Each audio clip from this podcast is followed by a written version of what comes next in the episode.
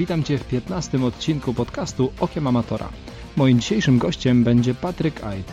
Z Patrykiem porozmawiamy o bieganiu, a tak dokładnie o bieganiu długodystansowym, a nawet bardzo długodystansowym, o bieganiu ultra. O bieganiu ultra po górach. Patryk w 2017 roku zajął trzecie miejsce w biegu rzeźnika na dystansie 108 km i opowie nam o tym, jak to wyglądało z jego perspektywy, czyli z perspektywy zawodnika. Patryk burzy też trochę teorię, że aby biegać długie dystanse wcale nie trzeba biegać szybko. E, udowadnia, że szybkie bieganie jest jak najbardziej potrzebne o swoich treningach i o tym, w jaki sposób y, amatorzy mogą z takiego rodzaju treningu skorzystać. Y, na koniec też rozmawiamy troszkę na temat y, obozów górskich i czy takie obozy górskie dla amatorów triatlonistów mogą przynieść jakąś korzyść. Wyszła nam bardzo ciekawa rozmowa z młodym, sympatycznym i pozytywnie zakręconym człowiekiem. Zapraszam do wysłuchania.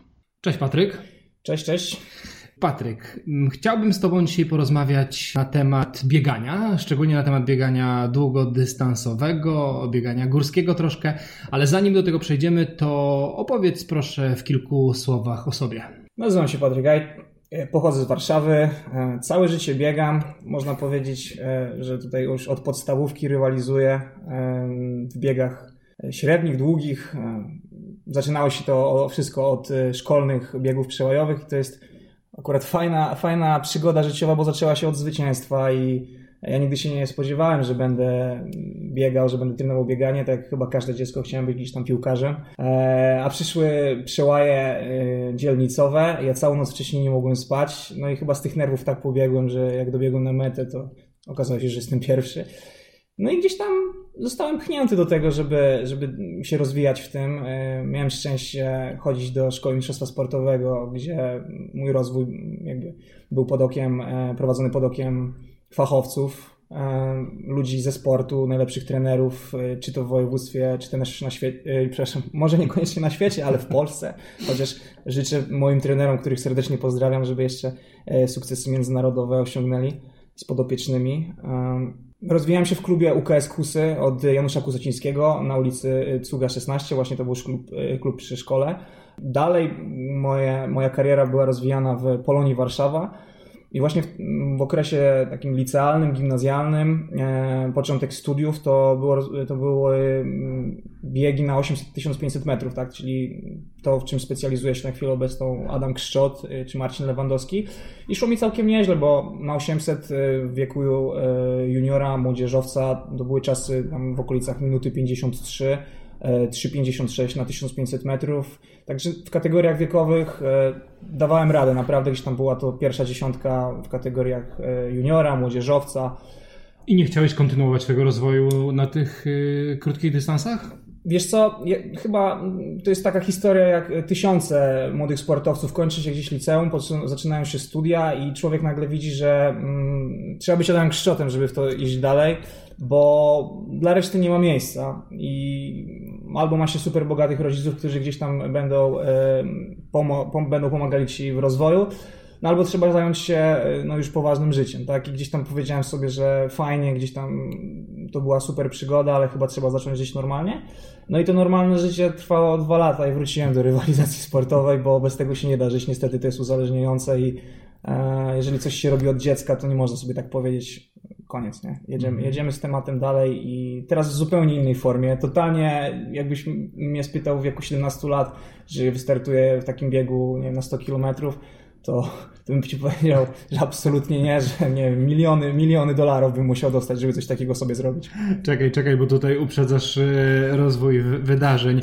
E, a powiedz Patryk, teraz jak byś siebie określił? Czy jesteś biegaczem ultra, czy jesteś trenerem, a może triatlonistą, bo też wiem, że jakiś epizod e, albo Oj, epizody miałeś. Ja nie lubię nazywać się trenerem. Ja, wydaje mi się, że jeszcze mam za mało doświadczenia, żeby mm, nazywać się tak samo jak e, osoby prowadzące najlepszych zawodników na świecie. Ja póki co jestem na etapie e, bycia zawodnikiem, który przy okazji wspiera innych. Bardziej instruktorstwo i bardziej dzielenie się z doświadczeniem. Fakt, mam już kilkanaście lat doświadczenia, więc to jest y, i tak sporo, jak na 20 7 lat niecałe.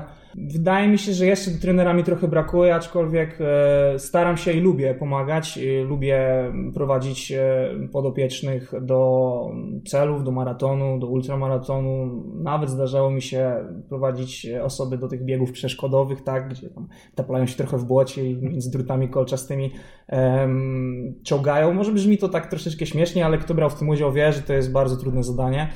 E, i też wymaga innego treningu niż, niż, zwykły, niż zwykły bieg. Mm -hmm. No dobra, a w takim razie powiedz mi, w jakich biegach ty się specjalizujesz jako zawodnik? Na chwilę obecną skupiam się najbardziej na biegach górskich, niezależnie czy są to długodystansowe biegi górskie, czy są to ultramaratońskie, czy biegi no, jak na góry sprinterskie, czyli 5-10 km, bo, bo to jest bardzo krótko w górach. Sprinterskie. Tak, może brzmi to śmiesznie, ale, ale faktycznie no, na realia górskie to jest prawie nic. Ale staram się być uniwersalny, jeżeli trzeba pobiec półmaraton i, i popracować gdzieś tam nad jakimś rekordem życiowym, co jest ciężkie w połączeniu z e, takim bieganiem górskim to to robię. Na przykład e, początek tego roku skupiłem się totalnie na przygotowaniu do maratonu, gdzie chcę mm, zrobić określony czas i następna, e, następnym przystankiem już będzie bieg ultramaratoński prawie, no prawie trzykrotnie dłuższy, mhm. więc gdzieś tam nie jest tak, że jeżeli biegam ultra, to biegam tylko ultra. Ja uważam, że trzeba e, sprawdzić się na każdym etapie i nie można zaniedbywać e, pewnych elementów, e, żeby być dobrym biegaczem, prawda? Mm -hmm. Ale poczekaj, poczekaj. Teraz przygotowujesz się do maratonu, dobrze tak, tak rozumiem? Tak, tak, w Łodzi. A, w Łodzi, -hmm. okej. Okay. Czyli to też jakoś tak już kilka tygodni chyba pozostało? No tak, bo to jest połowa kwietnia, czyli jestem już na tym e, ostatnim, ostatnim e, etapie przygotowań. Już Możesz się pochwalić, w jaki wynik celujesz, czy nie chcesz się No bym chciał tak w okolicach 2,37-2,38 e, mhm. uderzyć. Wydaje mi się, no z treningu wszystko wychodzi na to, że powinno być dobrze. Wiadomo, że można, może być różnie, tak? Kto, kto, kto biega, mhm. kto mm, startuje w zawodach, wie, że czasami te ostatnie kilka dni są w stanie wszystko zepsuć, nadmierny stres albo nie problemy żołądkowe, cokolwiek ale robię wszystko, żeby stanąć na starcie, wykonać robotę i na mecie zatrzymując zegarek poczuć satysfakcję. Mm-hmm. Dobrze, to, to w takim razie y, no poniżej 2,40, w każdym razie między 2,35 i 2,38. Tak. To jest dosyć szybko. No, to jest dosyć szybko y, na maraton, na moje możliwości jest bardzo szybko. I tutaj troszkę odpowiedziałeś na moje kolejne pytanie, takie trochę chyba przewrotne, mm-hmm. ale gdzieś słyszałem, ktoś kiedyś tak powiedział y, dosyć sprytnie, że jeżeli ktoś jest słaby szybkościowo, nie idzie bieganie na mhm. piątkę, nie do końca idzie na dychę, no ten półmaraton to też gdzieś tam nie mhm. wychodzi, kręcimy się w okolicach tych dwóch godzin. Na maratonie ledwo łamie te cztery godziny, no to mhm. w takim razie będę biegał ultra. No bo tak naprawdę na tym ultra to, to, to mm, czy ja zrobię ten bieg w 10, 12, 15 godzin, to nic nie znaczy. Y, czy y, tak myślisz, że faktycznie tak jest? Jak, jak to wygląda? No wiem, że u Ciebie tak nie jest. Nawet tak? nie myślę, wiem, że tak nie jest. Po prostu. Marcin Świerc, nasz guru biegów górskich, ultramaratończyk, biega dychę w okolicach 31 minut. Tomek Walerowicz, czwarty zawodnik Mistrzostw Świata w biegu na 100 km zrobił setkę po 3,57 całą, równiutko jak od linijki, biega maraton na poziomie 2,23 E, absolutnie nie można zaniedbywać e, szybkości. E, oczywiście są dystanse mm, gdzieś tam, gdzie bardziej przypomina to rajd niż bieg. I tutaj faktycznie, czy my biegamy 45 minut czy 50 na dyszkę, może nie mieć znaczenia. Natomiast z takich bardziej klasycznych i racjonalnych dystansów ultramaratońskich, E, co dla mnie oznacza między 80 a 160 km, tak, 160, czyli ten 100 e, milach, tak, tam 160 z hakiem, no to światowa czołówka jest w stanie naprawdę wykazać się bardzo mocnymi życiówkami w tych, można powiedzieć, konwencjonalnych dystansach, mm -hmm. tak? Mhm. Czy mówimy o Jimmy, Jimmy Wormsleyu, czy Sage'u Canadeju ze Stanach, cała ta śmietanka biegaczy ultra zaczynała w biegach na 5, 10, czy tam nawet 1500 wcześniej, E, I to są ludzie, którzy biegają albo poniżej 2,20, albo gdzieś tam 2,20 z małym hakiem. Więc jeżeli ktoś ma aspiracje na wysokie miejsca i dobre lokaty w biegach ultra, musi się liczyć z tym, że szybkość jest potrzebna. I to, mm, bo nam kojarzy się bieganie po górach z podbiegami. Absolutnie jakby podbieg jest jedno, jednym elementem, ale też jest po płaskim, jest zbieg e, gdzie trzeba no już wykazać się mm, tym, że jesteśmy w stanie przyspieszyć. Na zbiegu grawitacja nam jeszcze pomaga troszeczkę rozwinąć skrzydła i nagle wchodzimy na prędkości, e, nie wiem, zazwyczaj biegamy po 4,30, a tutaj trzeba po 4,0 zbiegać, prawda? Jeszcze kamienie pod nogami, trzeba troszeczkę wykorzystać koordynacji, tętno szaleje. Więc ten trening interwałowy, który odbyłem trenując biegi średnie, on się bardzo fajnie sprawdza w przygotowaniach do biegów górskich. A powiedz mi, skąd ci się wzięły w ogóle te biegi górskie? No bo kurczę, jednak z 800 i 1500 metrów y, jakby przeskoczyłeś chyba pewien etap. Tak, przeskoczyłem bardzo. E, wiesz co, zawsze byłem wielkim miłośnikiem gór, ale trochę jakby te góry dla mnie były elementem treningu. Szklarska Poręba, Wisła, Brenna, to się jeździło z klubem, trenowało się i zawsze to lubiłem, ale nigdy nie spodziewałem się, że mogę mm, wykorzystać to mm, do rywalizacji, tak? Że to jest dla mnie zawsze był element takiej ciężkiej roboty. I kiedyś tak po prostu, chyba z nudów, szczerze mówiąc z nudów, e, usiadłem sobie przy kalendarzu startów i to był taki sezon, że tutaj trochę biegałem, tu półmaraton, tu dyszka, to był fajny sezon 2014, bo pobiegłem na dyszkę poniżej 33 minut. Tak sobie mówię, o to fajnie, kurczę, może tutaj coś, jakiś półmaraton. Pobiegłem półmaraton, tu jakiś start w, w, w triatlonie na takich krótszych dystansach. I tak kombinowałem, szukałem, myślałem sobie, bo trafiłem do Sport Guru w środowisku, sklep już nie mhm. istnieje, ale znany w triatlonie i tam była taka bardzo fajna ekipa e, znajomych. E, razem jeździliśmy na zawody, razem startowaliśmy. I pod koniec sezonu E, stwierdziłem, słuchajcie, pojedźmy sobie może na taki bieg, co się nazywa Łemkowyna Ultra Trail. I tam jest 70 km. I na pewno umrzemy, jak dobiegniemy 70 km, padniemy za metą, bo to jest niemożliwe, żeby... To świetny plan. Tak, doskonale. Pojechać i umrzeć. Tak.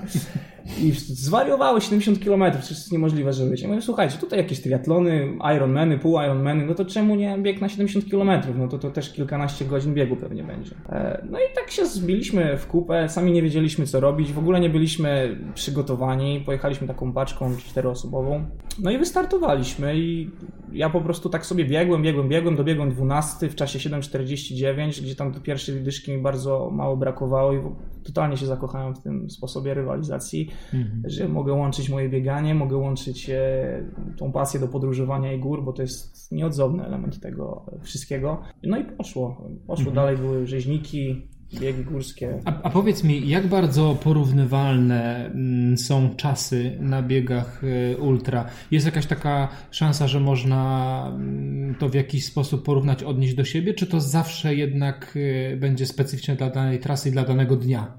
To właśnie odpowiedziałeś na to pytanie, bo ten sam bieg rok po roku może być zupełnie inny. Jednego dnia mamy załamanie pogody i jest bagno, błoto. Hmm. Dwa lata później mamy na przykład upał, tak, który działa jeszcze gorzej moim zdaniem niż deszcz, e, bo totalnie osłabia.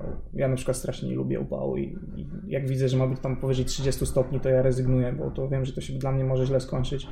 E, także nie, nie, absolutnie. Nawet jeżeli trasa ma taką samą długość od linijki zmierzoną i podobny profil przewyższenia, to, to nie, to nawet już na takie, wiesz, y, drobne elementy typu rodzaj nawierzchni ma znaczenie, tak? Bo tutaj mamy jakiś tam leśny dukt, tutaj mamy ścieżkę typu, mm, tak jak w karkonoszach, żyłożoną z kamieni, prawda? Gdzie jeden krok może być y, tym jednym złym krokiem, gdzie kamień po prostu się e, potoczy, a my razem z nim. Ciężko porównać. No oczywiście, jeżeli startujemy ten sam bieg ileś tam lat, no to mamy pewne odniesienie, bo to jeżeli to jest różnica 15 minut, to, to można powiedzieć, że pobiegliśmy tak samo, prawda? To, to, to ciężko w ogóle jakieś tam mieć odniesienie, ale jeżeli to jest godzina czy półtorej, no to tak, to wtedy wiadomo, że to jest, e, to jest albo progres, albo regres, prawda? Czyli podczas takiego biegu tak naprawdę mm, rywalizujesz z innymi zawodnikami, jeżeli chcesz się ścigać, no bo nie rywalizujesz ze, ze sobą hmm. o czas, tylko rywalizujesz z innymi zawodnikami. Tak, tak, raczej tak, aczkolwiek e, powiem szczerze, że taka moja największa przygoda do tej pory z e, biegiem górskim to, był, e, to było przygotowanie do biegu rzeźnika w 2016 roku z moim kumplem Michałem i tam mieliśmy jasny plan połamać 9 godzin. Y, no i większość osób, które tam biega po górach i zna temat ultra wie, że to był ten felerny rok zakazu e, od Parku Narodowego Bieszczeckiego i no co teraz robić? Trasa jest zupełnie, znaczy może nie zupełnie inna, bo tam te ostatnie 30 km były inne, trochę więcej przewyższenia, trochę więcej kilometrów, no i teraz no jak tutaj teraz odnieść to do tego założenia e, z czasem, tak? Bo my mieliśmy wszystko rozbite na atomy, podzielone, forma przygotowana. Mm, no i wyszło tak, że e, stary rzeźnik miał 77,7 km, e, i trzy, z tego co pamiętam, 3, 300 czy 3400 przewyższenia. Tu było w tym nowym rzeźniku około 3800, 3700 przewyższenia. No niby nic, ale jednak gdzieś tam dodatkowe przewyższenie było. No i trasa była dłuższa, bo miała 83 z groszem, czyli tam jednak te 6 z hakiem kilometrów, prawda? Więc na 78 kilometrze spojrzałem na zegarek i jest 8 e, godzin 56 minut. Już powiedziałem, Michał, stary, zrobiliśmy to. Dało to szóste miejsce w biegu rzeźnika, gdzie rok wcześniej byliśmy, mieliśmy ledwo złamane 10 godzin. E, byliśmy na 17 miejscu, także no, tutaj było widać naprawdę progres ogromny. Tak. Mhm. No, skoro powiedzieliśmy o rzeźniku 2016, to musimy powiedzieć o rzeźniku 2017. Czyli pobiegłeś na setkę, a właściwie na 108. Tak, tak. E, udało Ci się zdobyć trzecie miejsce z czasem 12,55. E, no po pierwsze gratulacje, a po drugie opowiedz jak ten bieg wyglądał. W ogóle historia tego biegu zaczyna się w Karkonoszach, bo startowałem w bardzo fajnym wyścigu e, Chojnik Ultra. Bieg na 100 km po Karkonoszach z bardzo dużym przewyższeniem, przekraczającym 5000, to jest chyba 5200 przewyższenie. Po trudnej trasie, bo kto w Karkonoszach biegał, ten wie, że to nie tylko jest skarpacza na śnieżkę, wybrukowana droga, prawda, tylko tam naprawdę czy z Czarnej Przełęczy, czy gdzieś tam wokół e, śnieżnych kotłów, te szlaki naprawdę są no dosyć nierówne, kamieniste, zwłaszcza na zbiegach, jak jest taka poranna rosa i się nie ma jakichś tam butów z vibramem, można stracić zęby albo gorzej. I na ten bieg naprawdę byłem, wydaje mi się, że byłem wtedy bardzo dobrze przygotowany, ale zawiódł żołądek i to na całej linii. I na 50 km w Karpaczu musiałem zejść, bo to po prostu mogło skończyć się naprawdę poważnym uszczerbkiem na zdrowie, bo już byłem total... Żołądek nie przyjmował ani płynów, ani żadnego jedzenia, więc na pusto to nawet najlepszy silnik nie pojedzie, prawda, bez paliwa. No i zawsze mam plan B. Zawsze mam plan B, że jeżeli jakiś bieg nie wychodzi, to szukam 2-3 tygodnie czy znajdzie się coś o podobnym dystansie, o podobnym profilu, no żeby jednak mimo wszystko nie stracić tej formy, prawda? Bo żołądek można wyleczyć, e, jak tam człowiek coś sobie zrobi, nie połamie się, to też można, prawda, szybko dojść do zdrowia i wykorzystać tą formę, póki ona jeszcze nie uciekła mm, i się pościgać. No i y, padło na Bieszczady. Szybko przejrzałem e, ten, ten kalendarz, żeby wybrać, bo tam miałem kilka, sudecka setka jeszcze wchodziła w grę ale jednak zdecydowałem się na tego e, rzeźnika, no miałem, mam do niego ogromny sentyment. Bieszczady to jest chyba jedno z takich piękniejszych miejsc dla mnie w Polsce i fajnie się tam biega. No i stanęło na tym, że trzeba po prostu pojechać i zaliczyć ten sprawdzian na 100 km, zwłaszcza, że to miał być najdłuższy dystans, który do tej pory zrobiłem, bo wcześniej to był ten rzeźnik klasyczny, tak, ten parami biegany. Powiem szczerze, że w ogóle się nie bałem, nie stresowałem, bo stanąłem, powiedziałem, że ja po prostu chcę tą setkę zrobić, zaliczyć. Już tam absolutnie nie interesuje mnie miejsce, nie, nie interesuje mnie czas, e, zaliczyć tą setkę i po prostu mieć e, to, co się działo z tyłu głowy, że nie dałem rady, że coś tam się stało, wymazać to. Na truje, jak to się mówi po studencku, prawda? Panda 3. E, I tak, I tak z takim nastawieniem podszedłem do biegu. Oczywiście prognoza pogody była taka, bo to jest oczywiście Zrzednik to jest cały festiwal złożony z iluś tam biegów. E, w zeszłym roku to już było horrendalnie dużo, bo tam było kilkanaście biegów, ale całe szczęście organizatorzy poszli po rozum do głowy i tego już jest mniej. Wydaje mi się, że po prostu nie dawali rady tego zrobić wszystkiego i ograniczyli liczbę tych, tych, tych biegów, dystansów. Na początku tygodnia, jak przeglądałem galerię i dzwoniłem do znajomych, żeby dowiedzieć się o warunki pogodowe, to wszyscy, człowieku, co tu się dzieje, bagno, tutaj po prostu, wiesz, na zbiegach to się na tyłkach zjeżdża, bierz największe buty, znaczy buty z największym bieżnikiem, jakie tylko się da, no po prostu tutaj się nie da biegać. No i posłuchałem, bo to nie było tak, że jedna osoba tak powiedziała, tylko faktycznie doniesienia e, bieszczackie były takie, że jest błota po szyję. E, nabyłem sobie takie buty, y, które mają odpowiedni bieżnik, fajnie, jadę. Tylko w Bieszczadach niestety jest tak, że jeżeli południowa część jest e, cała w błocie i tam padało, to na północnej faktycznie było tak, że było suche jak pieprz. No i ja w tych butach na błoto, to był, oj, bolesne to było doświadczenie. Przeleciałem tego rzeźnika, e, który tam okrążał, okrążał ten dystans e, jezioro e, Solińskie i dalej leciał w stronę Cisnej. No i tam, tam tego błota to naprawdę na końcówce może troszeczkę było, a cała reszta no to naprawdę w butach asfaltowych dużo lepiej by się pobiegło i tutaj troszeczkę na minę się ładowałem, że się posłuchałem większości. No ale cóż, no to był taki, to był taki naprawdę jedyny, jedyny minus, natomiast cała reszta była, e, powiem szczerze, naprawdę rewelacyjnie się czułem psychicznie na tym biegu, bo wystartowałem i wiesz, nawet do 50, nie, do 42 km nie miałem plecaka z niczym, tylko miałem w spodenkach e, żele i bidon w ręku z napojem. E, I wiesz, do 42 ten bieg się doskonale układał, bo jeszcze wtedy miałem kontakt z pierwszym zawodnikiem, z Pawłem Dytkiem, a to jest medalista Mistrzostw Świata w biegach górskich i powiedziałem sobie, no nie, nieźle. Jeżeli ja jestem na 42 e, kilometrze drugi, zaraz za mną był e, Daniel Gajos, rekordzista trasy na Skrzycznym, no mówię, no to jeżeli ja się tak dobrze czuję, jestem w czubie, no to ten bieg źle nie może pójść, bo ja się bawię tym. I nagle poczułem, wiesz, że zero stresu, zero napinki, zero jakiejś tam yy, parcia na miejsce i czas, a mój organizm pracuje lepiej. 60, 70 km. Oczywiście przychodziły kryzysy, ale czułem się jak na, na jakimś takim bardziej wypazie w góry, gdzie sprawdzam swoje możliwości, niż na starcie, gdzie się stresuję, tak? I po prostu, okej, okay, mam kryzys, dobra, to teraz żel, to teraz trzeba się napić, troszeczkę trzeba zwolnić, zaraz się przyspieszy i wiesz co, na takiej pełnej kontroli dopiero zobaczyłem, na czym biega, na czym polega, o, o co biega w tym całym bieganiu ultra, tak?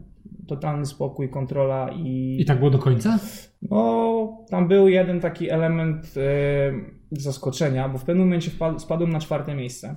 Dogonił mnie, dogonił mnie zawodnik. Ja byłem akurat, miałem ten moment, że yy, miałem delikatny zjazd dyspozycji, tak? Jakby wiedziałem, co się dzieje, że to jest jeden z, jeden z kilkunastu, czy może z kilku kryzysów, który mam po drodze.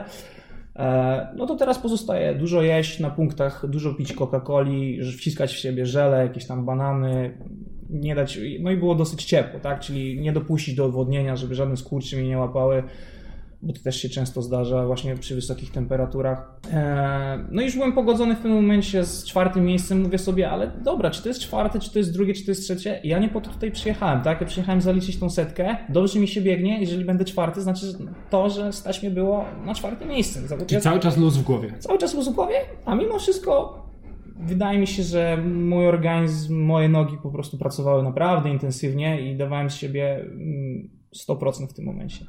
E, no i tak, tak na tym czwartym miejscu sobie, jak już straciłem to trzecie, znaczy najpierw to straciłem drugie, potem straciłem trzecie i w ogóle totalnie, wiesz, no 60 km to jest jeszcze daleko, daleko do mety. 70, 80, ja uważam, że myśleć o mesie można na 10 km do celu, tak? I, i to, to się faktycznie potwierdziło teraz, bo nie dość, że po drodze jeszcze zgubiłem 2 km, bo yy, zbiegłem za daleko, bo nagle z takiego duktu szerokiego, ubitego, twardego szlak odbijał w totalne krzaki, że dopiero jak się tam metr przez te krzaki człowiek przebił, to widział trasę oznaczoną. No ja leciałem kilometr w dół, zadowolony, że jest zbieg, że jest szeroko, że jest przyjemnie.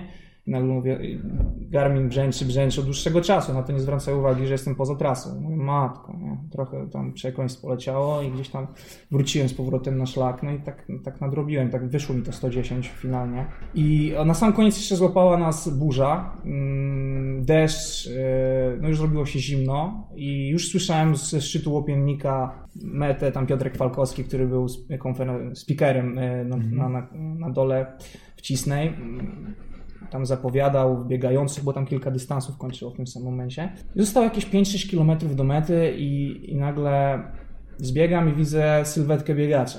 Już taka mgiełka wieczorna i myślę sobie, wow, przecież ja kojarzę ten plecak, kojarzę te buty. I tak zbliżam się, zbliżam to się. To nie jest turysta. Tak i, tak, i tak nagle patrzę, że to jest trzeci zawodnik. Ja mówię, zaraz, to przecież to jest niemożliwe. I tak sobie powtarzam, nie, niemożliwe, niemożliwe. To jest niemożliwe, że on miał, w tym momencie on mi odskoczył na 10-12 minut. No i mówię sobie tak, no albo teraz, albo nigdy, nie? Bo po prostu no podium, to, to miało być pierwsze podium moje w biegu ultra, w dodatku po tych wszystkich przygodach e, i to w Karkonoszach e, i tutaj teraz te, te wszystkie pogubienie się, ten deszcz, to burza, to wszystko, mówię, no to był fajny finał tego wszystkiego. No i jak ruszyłem, było delikatnie z górki, no to tak te e, ostatnie 5 kilometrów po, po 3,45 zrobiłem. Jak dobiegłem na metę, to znaczy no, przed samą metą jeszcze tam biegłem i zbijałem piątki z ludźmi, bo, bo naprawdę czułem ogromną euforię i za tą metą to jak po prostu minąłem tą kreskę, usłyszałem to. Ja, dla mnie to jest taki najwspanialszy moment, jak człowiek dobiega do mety i słyszy, że to jak piszczy ta mata, że ten chip przeleciał właśnie tak pip i w tym momencie pu. Ja się wyłączam, po prostu padłem, dalej nie pamiętam co się działo. Wiem, że mi zdejmowali buty, bo byłem cały mokry przez tą ulewę. Yy, owijali mnie folią NRC. Oczywiście yy, tutaj dają mi herbatę, ja, łyk herbaty, tu ktoś daje mi piwo, ja łyk piwa, tu jakieś ciastko. To, to ja już tak taki bobas po prostu. Siedziałem brudny, mokry i po prostu nie wiedziałem, co się dzieje. Tu ktoś zakłada mi buty nie moje, prawda, byleby tylko do samochodu wsadzić. I tak człowiek pół godziny mija, dochodzi delikatnie do siebie. Po godzinie zdaje sobie sprawę, co jest grane. Każdy podchodzi, pokle, klepie po plecach, dobrze. Na pudle stawiają, tak, nie wiesz o co chodzi. Tak, tak, tak. I, no i powiem szczerze, że to było niesamowite, niesamowite przeżycie, bo ja w ogóle dla mnie ten bieg to on trwał już od, od tego chojnika, tak, że ja po prostu no w, jak, w jakimś takim niskobudżetowym amerykańskim filmie, tak, że wszystko jednak kończy się dobrze. Słuchaj, a jak e, powiedz mi, jak mijałeś tego e, trzeciego zawodnika wtedy, to y, nawiązaliście jakiś kontakt? On tak, wie, tak, co się dzieje? Tak. Powiem szczerze, że mm, taką zastosowałem zagrywkę psychologiczną, pokazać, że ja się, że, że ja się dobrze czuję. Oczywiście kosztowało mnie to sporo energii i y, oddechu, bo podbiegłem, oczywiście wyprostowany, wiesz, jak, jak na tym filmie Rydwany Ognia, co oni biegną plażą, prawda? I się tam, nie spo- coś się stało, nie spodziewałem się siebie tutaj, nie? On coś, ja nawet nie pamiętam, co on odpowiedział, nie? Ja mówię, no dobra, to dawaj, blisko do mety, nie? A tak naprawdę w głowie mówię, pompa, pompa, dawaj, dawaj, uciekaj, uciekaj, uciekaj, nie? Tylko, no i po prostu zacząłem się oddawać i wiesz, sam patrzyłem na ten zegarek, na ten między, międzyczas, mówię mu, matku, w tym momencie jest 3,25, ja mówię, fakt, że delikatnie z górki, fajna droga, ja mówię, nie no, przecież ja zaraz po prostu zatrzymam się i upadnę, ale wiesz, nie kończy się, po prostu tak niesamowicie buzująca ta adrenalina, ta, taka moc, nie wiem, z tych bieszczadzkich drzew gdzieś tam w moich nogach zawitała, że no już tą końcówę, no nie wiem, no to się okazuje nagle, że wiesz, że ten nasz organizm, chociaż masz na 20 km przed metą już totalnie dosyć, to są jakieś takie pokłady, które jeżeli bardzo chcesz, jesteś w stanie z siebie wykrzesać. Mhm. Może częściowo adrenalina, częściowo tak, coś tam jeszcze tak, innego, tak, ale, ale powiem Ci, że jak tak o tym opowiadasz, to y, aż y, chce się wystartować w takim biegu, ale wiem, że to może nie byłoby do końca rozsądne. W każdym razie, Patryk, powiedz, jak to jest biec przez prawie 13 godzin? Jak, jak to wygląda w ogóle? Tam się przechodzi do marszobiegu? Czasami? Tak, tak, oczywiście. Są różne taktyki. Nie znam, nie znam e, biegacza, który by przebiegł e, tego typu profil trasy cały, bo nawet najlepsi gdzieś tam sobie podejdą, e, gdzieś tam się na dłużej, na chwilę na punkcie zatrzymają, buty zmienią, prawda? Także to nie jest jednostajny, ciągły bieg, bo nawet gdybyśmy chcieli pod tą górkę biegać, to tempo jest podobne do tego, jak mocno podchodzimy, a jakby no, zużycie energii jest 3-4-krotnie większe, tak? I się totalnie nie opłaca te, mm, takie bieganie wszędzie. Jeżeli to jest tam dystans 40 czy tam 50 km, to jeszcze można sobie na to pozwolić, ale powyżej setki to, to się bardzo rzadko zdarza. To nawet takie legendy tych biegów górskich typu Kilian czy, mm. czy Anton Krupiczka już nie biega, ale to, to też, też podchodzili, tak? I, I to też trzeba mieć. I to podchodzenie jest naprawdę ciężkie. To też trzeba sobie wytrenować, prawda? Ale to y, ten taki marszobieg czy y, spacer, nie chcę go nazywać spacerem, mhm. to stosujemy tylko na podbiegach. Na płaskim i na zbiegach, rozumiem, biegniemy. Najlepiej by było, najlepiej, bo uważam, płaskie biegniemy, zbiegi, które są też trudne, bo to też technicznie mhm. Wymaga dużej koordynacji, prawda? I właśnie tej szybkości, bo tam przybieramy jednak mimo wszystko nogami, żeby żeby, dobrze płynnie pokonać ten zbieg. Natomiast pod górkę najbardziej opłaca się podchodzić, czy to ktoś na kijkach podchodzi. Jeżeli górka jest e, łagodna i widzimy jej koniec, wydaje nam się, że o, to jest, to jest 100 metrów, to można podbiec, prawda? Natomiast e, jeżeli nie widzimy jej końca, gdzieś ten szlak się ciągnie i robi się stromo, no to nie, to absolutnie, absolutnie nie powinniśmy się tak forsować. Dobra, a powiedz mi w takim razie, jak wygląda temat y, odżywiania? Bo wspomniałeś, że biegłeś z żelem w spodenkach. To tak, to tak, tak naprawdę się robi? Słuchaj, no taktyki żywienia są różne. Tak jak w życiu codziennym każdy ma inną dietę, tak e, w biegach czy w triatlonach, prawda, strategia ta żywieniowa powinna być, no jest, są jakieś kanony, prawda, ale wydaje mi się, że większość gdzieś tam pod siebie to stosuje. Są żelazne zasady, nie, nie jest niczego, czego wcześniej nie przetestowałeś. Mhm. Bo szkoda naprawdę skończyć bieg przez problemy żołądkowe gdzieś tam w trzech czwartych. A powiedz, co ty stosowałeś? Głównie żele. E, raczej żadnych, e, no gdzieś tam faktycznie na punkcie jakiegoś bananka sobie jadłem. E, musi być Coca-Cola. Wiem, że to mało sportowy napój i zawsze w szkole, czy rodzice, czy dziadkowie mówili nie pij tego świństwa, bo to jest niezdrowe, ale ja sobie nie wyobrażam takiego długotrwałego wysiłku wielogodzinnego bez Coca-Coli to po prostu działa jak, tak jak ja ten, wiesz, jak masz żar w ognisku i rzucisz taką kupę siana, to on nagle płomienić do góry i wtedy możesz całą resztę gdzieś tam rozpalić na tym i no nie wiem, dla mnie Coca-Cola to działa na podświadomość po prostu, jak ją mhm. piję, to od razu się lepiej czuję. A na co dzień też pijesz Coca-Colę? E, niestety tak. Niestety tak, staram się ograniczać, ja mam problem ze słodyczami, wiesz, ja po prostu bardzo lubię słodycze i...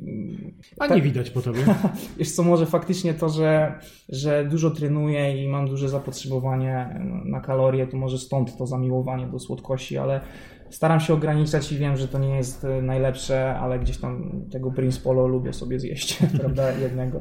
No dobra, ale to kola raz, żele dwa, a jakieś takie stałe bardziej posiłki, nie wiem, kanapka? Mm, nie, nie, nie, to jest, wiesz co, y, za ciężkie, za ciężkie moim zdaniem dla, dla żołądka, prawda, że czy zależy jakim kto tempem pokonuje te biegi, ja, dla mnie żele i jakieś tam bardziej e, stałe typu batoniki, prawda? O, batoniki, to można na, bliżej kanapki, dalej od żelu.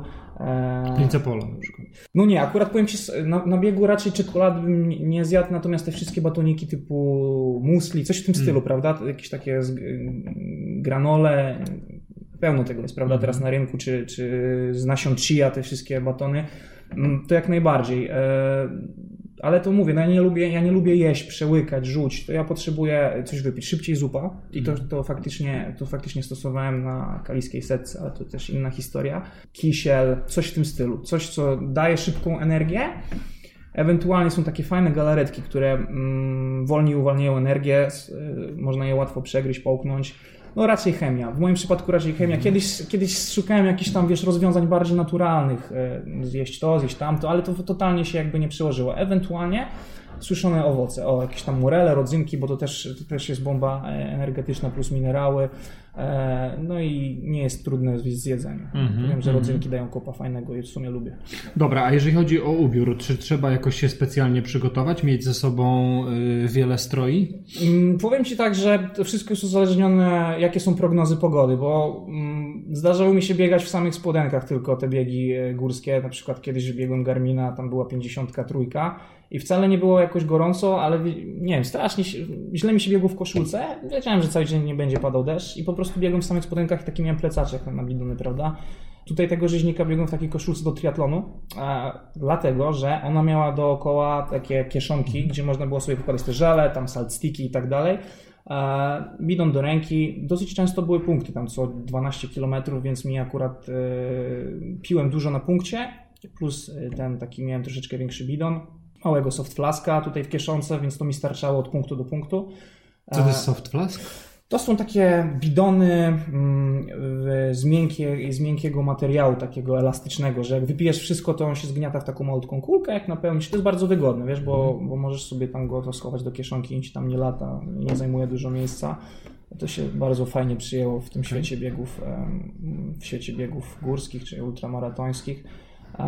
No jeżeli wiemy, że będzie zimno, no to też chodzi o to, żeby odpowiednio dobrać warstwy, ale nie ubrać się za ciepło, żeby się po 5 kilometrach nie rozpinać, nie zdejmować tego wszystkiego, no bo to też niepotrzebna utrata energii, prawda, gdzieś tam jak e, się przegrzewamy, bo przegrzanie jest bardzo niebezpieczne, znaczy bardzo niekorzystne bardziej niż niebezpieczne. No i też trzeba, jeżeli mamy przypaki na trasie, to warto coś na nich zostawić. Niektórzy zostawiają drugą parę butów, e, niektórzy zostawiają ciuchy na zmianę, a ty w jednych butach biegłeś? Tak, i żałuję tego, bardzo tego żałuję. Tak jak na, na początku powiedziałem, że bałem się błota, nabyłem specjalne buty, które specjalnie gdzieś tam rozbiegałem, rozchodziłem, wszystko cacy było, tylko że totalnie nie zgrały się z, z trasą, bo było sucho. Gdybym sobie zostawił chociaż jedną parę na pierwszym przypaku, nawet na tym 42 kilometrze, no to faktycznie może jeszcze ten czas wyśrubował mocniej, ale końcówka, no to, to już bardziej niż zmęczenie takie oddechowe, wydolnościowe, to miałem problem po prostu z bolesnym e, podnoszenie, podnoszenie nóg już mnie męczyło. Czułem w mięśniach, mhm. że jest, że jest ciężko, aczkolwiek no, zaciśnie, no może niekoniecznie zaciśniętymi zębami, ale gdzieś tam siłą woli cały czas trzymałem to tempo i tą, tą walkę nawiązywałem. A powiedz mi, e, jak długo dochodzisz do siebie po takim biegu? Czy psychicznie, czy fizycznie? No i tak, i tak, i tak, ale myślałem bardziej o tej fizycznej y, części, czyli od kiedy możesz zacząć normalnie chodzić Zawsze, i po schodach schodzić? Y, wiesz to, im dłużej, im dłużej rywalizuję, mm, na drugi dzień już normalnie chodzę po schodach, tak? Także powiem Ci szczerze, po pierwszym biegu ultra to tyłem chodziłem, aczkolwiek po kaliskiej w setce, bo to były mistrzostwa polskich biegu na 100 km płaskie, asfaltowe, to ten asfalt bardzo dużo wyrządził mi krzywdę i powiem, że trzy dni to chodziłem okrakiem, prawda? To mnie trochę uspokoiłeś, bo ja się tak. martwiłem, że ja po maratonie dwa dni po Nie, asfalt, tyłem chodzę. Tak, asfalt jest straszny. Asfalt dużo bardziej mnie boli niż nawet te wiesz, góry, gdzie są zbiegi, gdzie są e, mimo wszystko obciążające takie elementy. Natomiast, e, no nie, no w górach już mam tak, że że no drugi dzień już chodzę, czujesz zmęczenie i tak dalej, ale, ale już, już nie ma tego, co po pierwszych biegach, e, że, że po schodach faktycznie to na rękach było łatwiej wejść. E, warto sobie, no ja, ja bardzo lubię taki preparat e, regeneracyjny, on się nazywa R2 z Enervita i tutaj taką kryptoreklamę trochę zrobię, ale faktycznie on mi bardzo pomaga, bo on ma i aminokwasy i tą, taką bombę minerałów i tych wszystkich mikro, makroelementów i faktycznie no, troszeczkę niweluje to y, zmęczenie takie mięśniowe zwłaszcza, mm -hmm? Mm -hmm. No okej, okay, dobrze. A powiedz w takim razie, jak wyglądał twój trening do... albo w ogóle jak wygląda twój trening do takiego biegania e, ultra? Najpierw tak ogólnie, a potem też oczywiście interesuje mnie, mm -hmm. ile tych kilometrów tygodniowo pokonujesz, bo to pewnie każdy cię o to pyta. Mhm. E, wiesz co, jakby ja sam sobie układam trening e, i on bazuje, jest bardzo podobny do tego maratońskiego, plus małe dodatki. Tutaj troszeczkę coś, e, jak jest dłuższe wybieganie, to zrobię coś dłużej, dużo krosu staram się biegać. No w Warszawie jednak e, nie mamy jakichś tak warunków górskich, trzeba, no tam jedni męczą się na agrykoli, inni gdzieś tam jadą do falenicy, jedni też trenują w Campinosie i ja z tych wszystkich e, dobrodziejstw Warszawy też korzystam, prawda, ale staram się też to urozmaicać. Powiem szczerze, że może to być zaskoczeniem dla wielu, ale mi bardzo pomogła bieżnia mechaniczna, bo ustawiałem sobie programy e, o odpowiednim nachyleniu, że już wiesz, tak na koniec to masz wrażenie, że do tyłu polecisz. I biegałem takie interwały o różnym stopniu nachylenia, e, gdzieś tam na przykład dwudziestki na bieżni, niektórzy pomyślą, że to jest wariactwo biegać tyle czasu na bieżni, ale... 20%.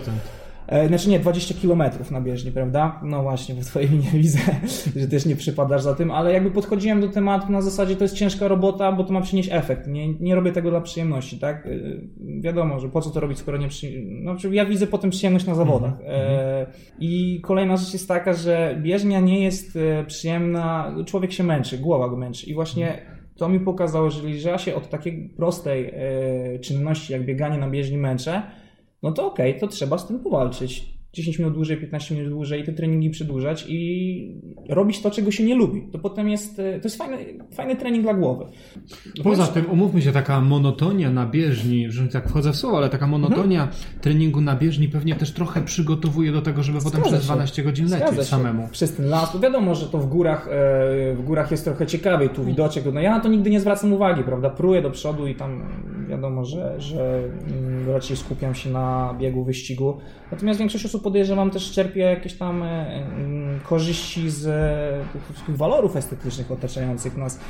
E, każdy szuka czegoś innego w, tych, w, tych, w tym bieganiu po górach. No mówię, to ja natomiast też głowę, głowę męczyłem na tej bieżni mechanicznej i ona mi naprawdę dużo dała. Oprócz tego były wyjazdy w góry, takie tygodniowe, dwutygodniowe to jest związane z tym, że właśnie prowadzimy takie obozy górskie, ale to potem jeszcze o tym pogadamy. Natomiast e, to jest taka ewolucja treningu maratońskiego. Trochę przedłużony, trochę więcej biegania terenowego, wstawki biegania górskiego, kontrolne starty, krótsze, bo utarło się, że jak ktoś jest y, ultramaratończykiem, to od stycznia do grudnia biega co miesiąc po górach ultramaraton. Ja jak najbardziej jestem tego przeciwnikiem, bo to na pewno nie prowadzi do poprawy wyników, raczej do regresu i pogorszenia stanu zdrowia, bo jednak te kolana i czy tam w ogóle no, też trzeba dać sobie czas na regenerację i tak rozmawialiśmy o tym, e, ile sobie daje czasu, żeby powrócić do siebie i przymusowe dwa tygodnie obijania się, tak? Mhm. Chodzenie, nie wiem, mogę sobie na kajaczki pójść ze znajomymi, mogę sobie, nie wiem, w piłkę niekoniecznie, bo to tam nogi jeszcze nie są takie dobre, ale robienie wszystkiego, na przykład nie biegam, jeżdżę sobie na rowerze, żeby sobie te nogi rozruszać, tak? Po prostu obijam się i psychicznie, ja muszę psychicznie poczuć się znowu głodny, e, wysiłku fizycznego, bo no ja najczęściej mam tego dosyć. Po prostu pierwsze dwa tygodnie to jest tak, że nie, ja teraz osiadłem na laurach, dużo jem, pizza, kola, słodycze, trochę piwa.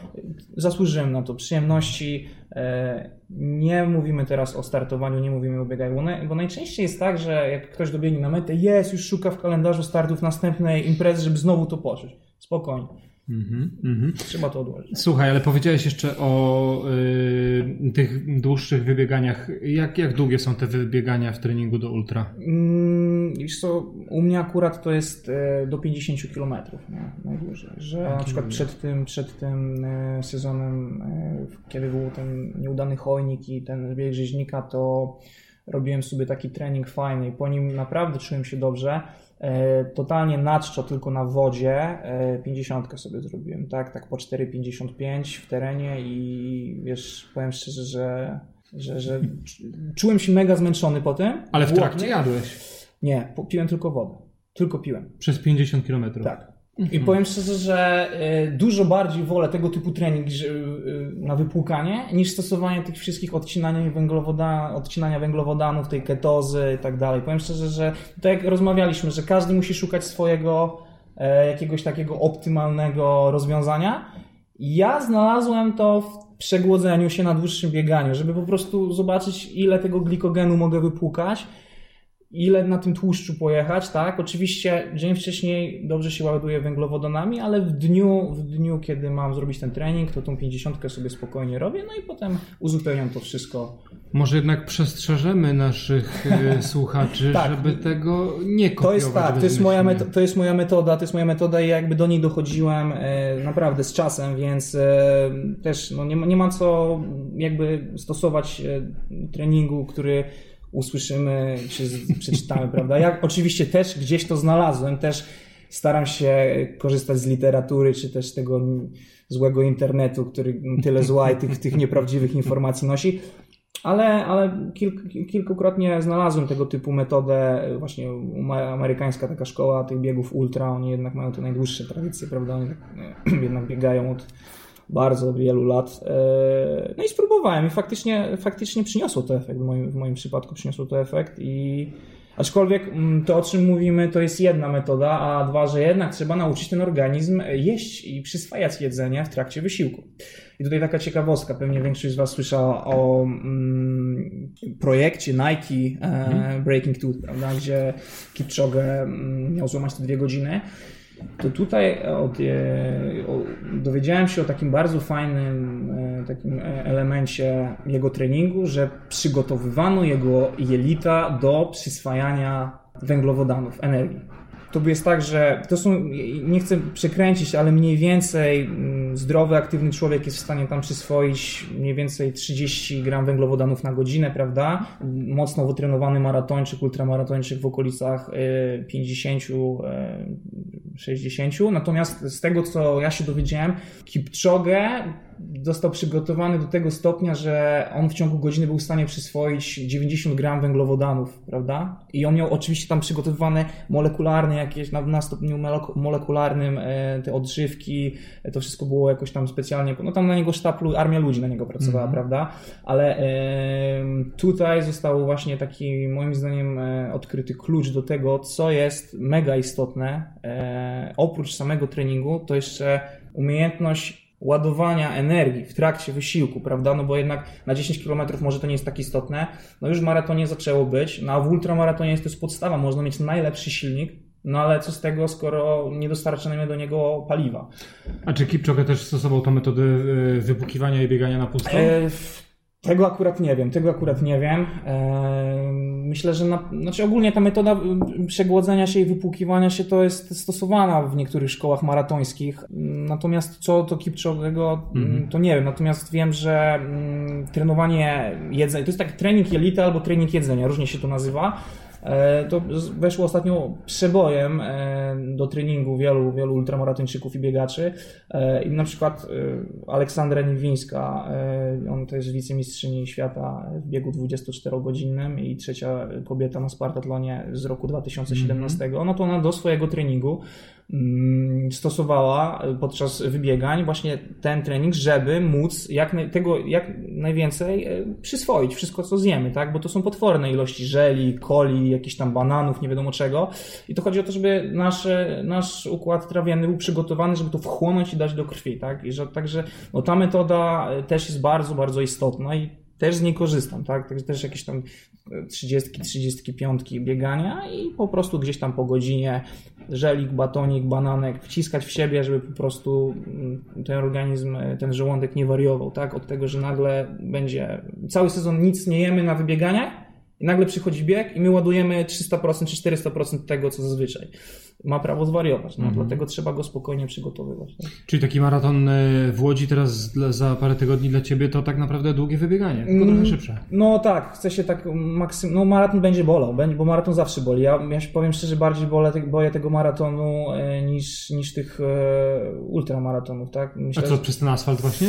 Nie, znaczy podejrzewam, że poziom zmęczenia, znaczy to jest totalnie inne zmęczenie. Powiem Ci szczerze, że najbardziej w życiu męczyłem się na 800 metrów, bo to jest nieporównywalny dystans do niczego innego. No to, jest, to jest beztlenowy wysiłek, tak samo jak 400 metrów. E, może teraz będzie taki e, brzydki kawałek historii, ale każdy mój start na 800 metrów, oczywiście jeżeli był poleciany na maksa, na życiówkę, to było jeszcze 10 minut dochodzenia do siebie, wymioty, po prostu leżenie z ręcznikiem mokrym na głowie i dopiero mogłem wstać, jeszcze raz zwiotować i zacząć sobie truchtać, tak? Także powiem szczerze, no, to co teraz, to, co teraz y, robię jest totalnie inne. To nawet nie chodzi o to, że jest łatwiejsze, tylko jest inne.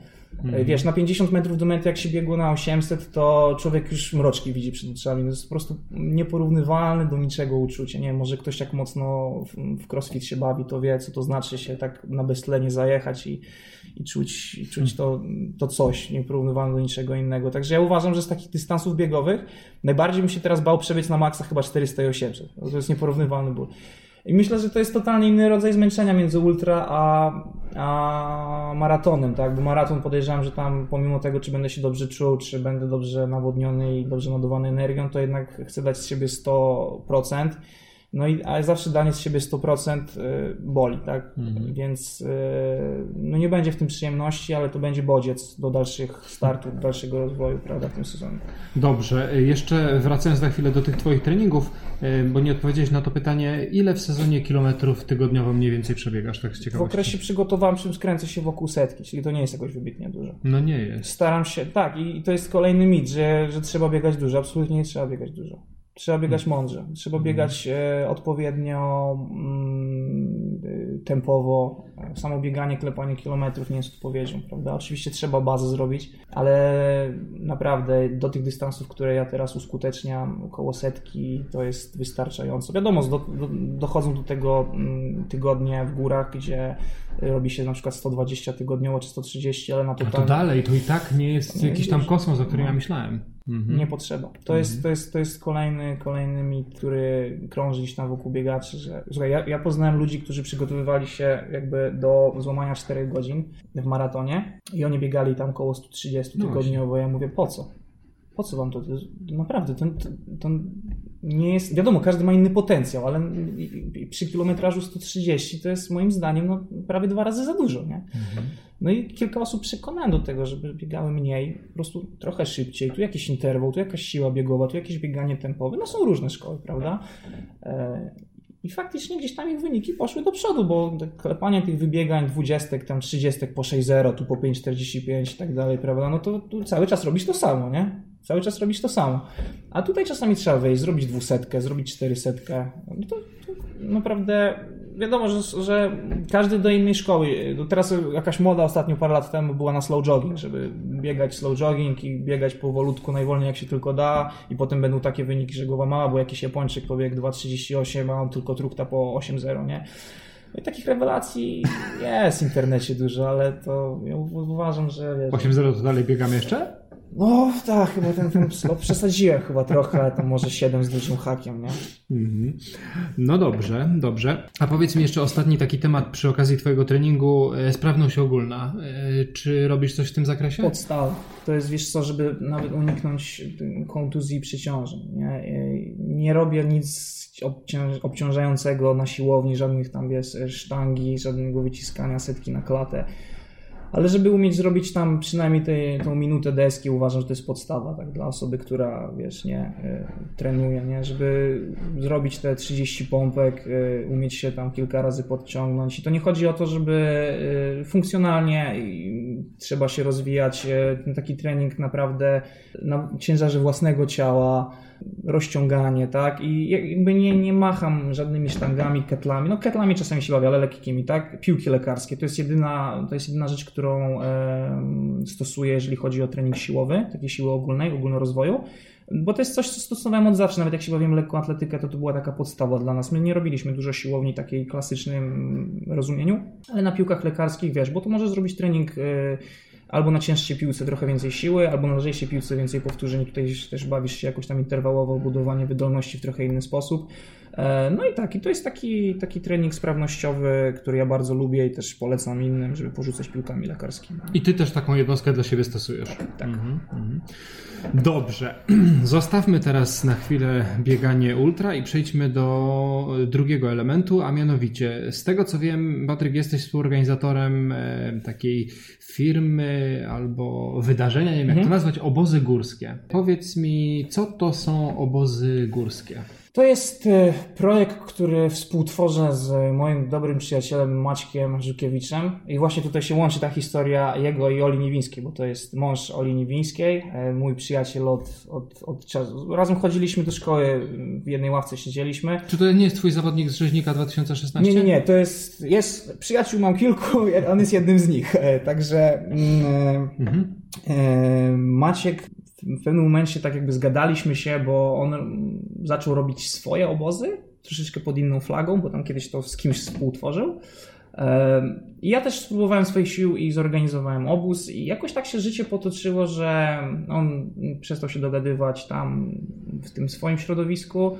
Ja skończyłem tam e, z tym jakby współpracę ze Sport Guru, bo to było pod szyldem Sport Guru i tak usiedliśmy i pogadaliśmy, że całe życie jeździliśmy na obozy, wiemy jak to robić. Udało nam się zorganizować te nasze pierwsze obozy i że spróbujmy sił, że po prostu połączyć, połączmy siły, powiedzmy, że robimy coś takiego i jakaś tam baza naszych znajomych jest, która może by pojechała na takie pierwsze nasze wspólne bieganie. I wyszło, i wypaliło, tak? I założyliśmy firmę, zaczęliśmy organizować te obozy. Na początku to były, było bieganie w Beskidzie Żywieckim, tam gdzie my jeździliśmy przygotowywać się do sezonu jako tam juniorzy młodsi, juniorzy. E, mieliśmy taką bazę e, i do dziś tam jeździmy i zawsze będziemy tam jeździć, niezależnie e, od tego, co się będzie działo, no po prostu to jest takie nasze... My tam jeździmy jak do, do dziadków, tak? Tam jest pani Tereska, która gotuje tak, że aż łzy po policzkach ciekną ze szczęścia, jak człowiek zupę je.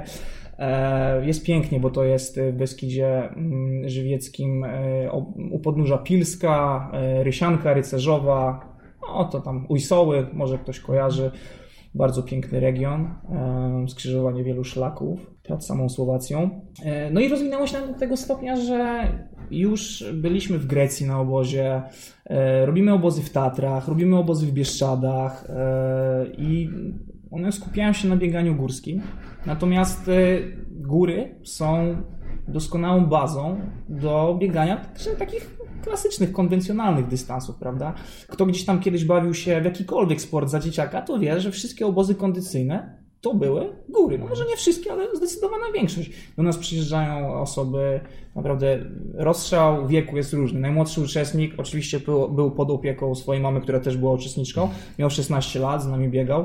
Najstarszy Stasio z Łodzi, nasz ulubieniec, tryskający wiecznie dobrym humorem, jeżdżący z nami na większość obozów, 60 e, lat w tym roku, prawda? I jakby poziom tak samo zróżnicowany. Jest nas trójka, ja, Maciek i Ola, więc e, dzielimy się na grupy. Są osoby, które totalnie przerażone przyjeżdżają w te góry, one nie wiedzą, czy dadzą radę.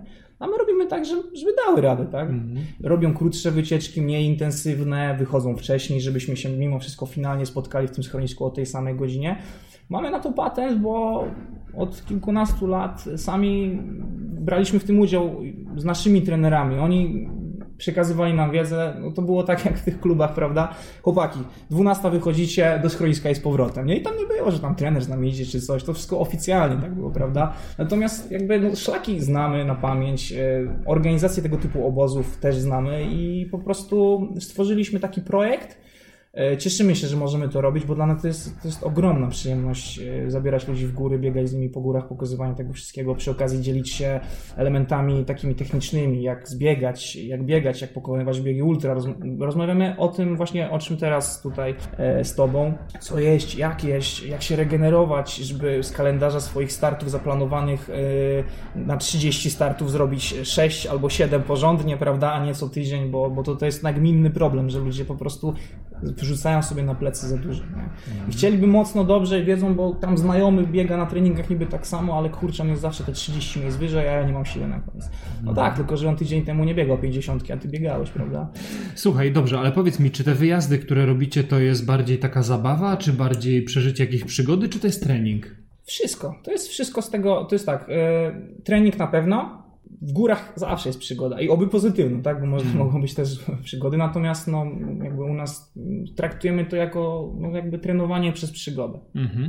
No ale wiesz, bo, bo ten trening, y, tutaj jakby tego mm, pewnie y, tej korzyści z różnicy wysokości nie ma, bo tego nie no, robimy w jakichś mega wysokich górach, prawda? No Czyli bardziej mówimy o takim treningu mm, tej siły biegowej, prawda? Tak, siła, znaczy wiesz, to, to jest tak, że z pozycji amatora i tak taki tydzień w górach to jest potężny skok, jeżeli jeżeli chodzi o wydolność, prawda, niezależnie na jakiej wysokości mieszkamy. Wręcz uważam, że jeszcze no, rzucanie się, jeżeli ktoś tam kręci się w okolicach 4 czy tam 4,30 w maratonie, to dla niego, wiesz, no, trenowanie Fonrome czy w Nowym Meksyku na 2000 metrów to może być bardziej szkodliwe niż, niż korzystne, prawda, bo też był, był taki trend, że nagle wszyscy do Kenii jeździli, prawda, trenowali.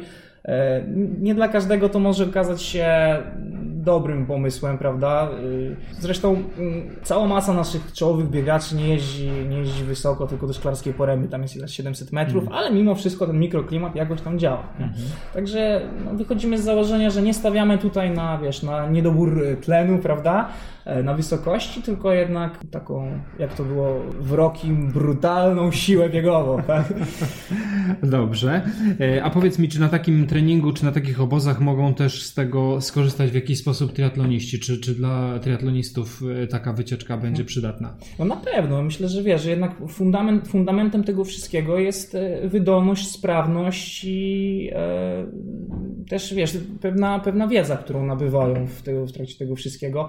E, wiesz, to też jest zależne, w jakim okresie pojedzie taki triatlonista z nami, bo teraz jak my robimy na przykład obozy tam styczeń, luty, to cała masa e, e, miłośników triatlonu jeździ tam Hiszpania, Portugalia, gdzie jest ciepło. Na rower. Tak, rower. Generalnie chodzi o rower, ale myślę, że wiesz, że jakby ktoś, kto, kto się powoli dopiero wdraża w ten triatlon, a może ciężko mi powiedzieć, wiesz, bo tak, nie pomożemy z rowerem ani z pływaniem, bo no wiesz, to jeździć umiemy, ale z treningu no, nie znamy się na tym, nie Oczywiście. można się na wszystkim znać, prawda?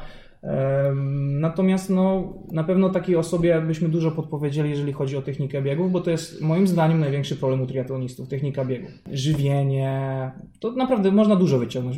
Pod kątem triatlonu, zwłaszcza, że coraz więcej robi się takich triatlonów ekstremalnych, typu mhm. jakieś Hardasuka, Diablak i tutaj myślę, że u nas można byłoby fajnie się podszkolić pod kątem takiego tematu. Mhm. No ja powiem Ci, ja widziałem te Wasze filmiki z obozów tych takich ostatnich, mhm. to też yy, takie dosyć to ekstremalnie wygląda pogodowo, mam na myśli. Widziałem, że zimno, wieje. No, jak to pada. w górach, wiesz? To, to jest tak, że różne rzeczy dzieją się w górach, ale zawsze, zawsze kładziemy duży nacisk na to, żeby być przygotowany, mieć te kurtki. To jest tak, że sprawdzamy te prognozy pogody. Mówimy, słuchajcie, dzisiaj jest zimno, macie się ciepło ubrać, wolniej zrobimy tą wycieczkę ale, ale do schroniska z powrotem miało być 20 km, zrobimy 16, ale w dobrym zdrowiu, najwyżej dokręcimy jutro. Prawda? A jeszcze zdefiniuj zimno, co to dla Ciebie znaczy zimno? O, wiesz co, teraz jak byliśmy w Beskidzie Żywieckim, no to były już takie, mm, taki atak zimy, że tam pewnego poranka było poniżej minus 20, wiesz, no to już ograniczyliśmy tego dnia aktywności do ilu się tylko dało. Wiesz, zadzwoniliśmy do UISO na halę, tak, że dzisiaj robimy trening na hali, na piłkach lekarskich, także skatujemy się w inny sposób, natomiast no przekładamy wycieczkę, bo jutro ma być już tylko minus 15, ale w dobrym słońcu, więc odczuwalne odczuwalna temperatura jest inna. I, no i powiem szczerze, że tak jak taki trochę jak Krzysztof Wielicki, czy tam w Basecampie pod K2 siedzi, to my też tam cały czas te e, doniesienia pogodowe, czy tu ma wiatr, czy ma być śnieg, czy ma być słońce, to jest jednak te góry, czy one są wysokie, czy niskie, pewne zasady trzeba zachować, prawda? Mm. No, powiem Ci, że taki trening e, e, w styczniu właśnie w górach to może dobrze triatlonistów przygotować do startu w Malborku na przykład, gdzie o, tak, tak, rok tak, w roku jest tak. dosyć nieprzyjemnie pogodowo. Patryk, na zakończenie powiedz mi, jakie są Twoje plany na ten nadchodzący sezon? No to oprócz tego maratonu nieszczęsnego, o którym rozmawialiśmy, e, Ultra Roztocze. To bieg e, na dystansie 120 km po pagórkowatym terenie, no bo tam Roztocze to są te wzniesienia 200-300 metrów. No ale właśnie szukałem na ten sezon czegoś bardziej biegowego, tak, że o takim profilu mniej górzystym, wymagającym bardziej, znaczy jakby procentowo więcej będzie się biegło, mniej się praktycznie liczę, że nie będzie w ogóle podchodzenia, tylko wszystko będzie się biegało. No potem, potem akurat jest e, najbliższy start taki pewny, to Chudy Wawrzyniec, właśnie w mhm. Beskidzie Żywieckim, bo raz, że mam niewyrównane nie rachunki z tym biegiem, bo tam w 2015 było 38 stopni, prawie zemdlałem, to był taki straszny upał i musiałem, e, bo tam masz dwa warianty, może być 80 tak planowałem, ale tam 53 to jest ten wariant taki krótszy i dla mnie był awaryjny, ratujący życie w tym momencie, bo musiałem z rycerzowej zbiec na ten krótszy, po prostu totalnie nie dawałem rady, więc no, w tym roku muszę wrócić i no, wyrównać rachunki z, z chudym Wawrzyńcem.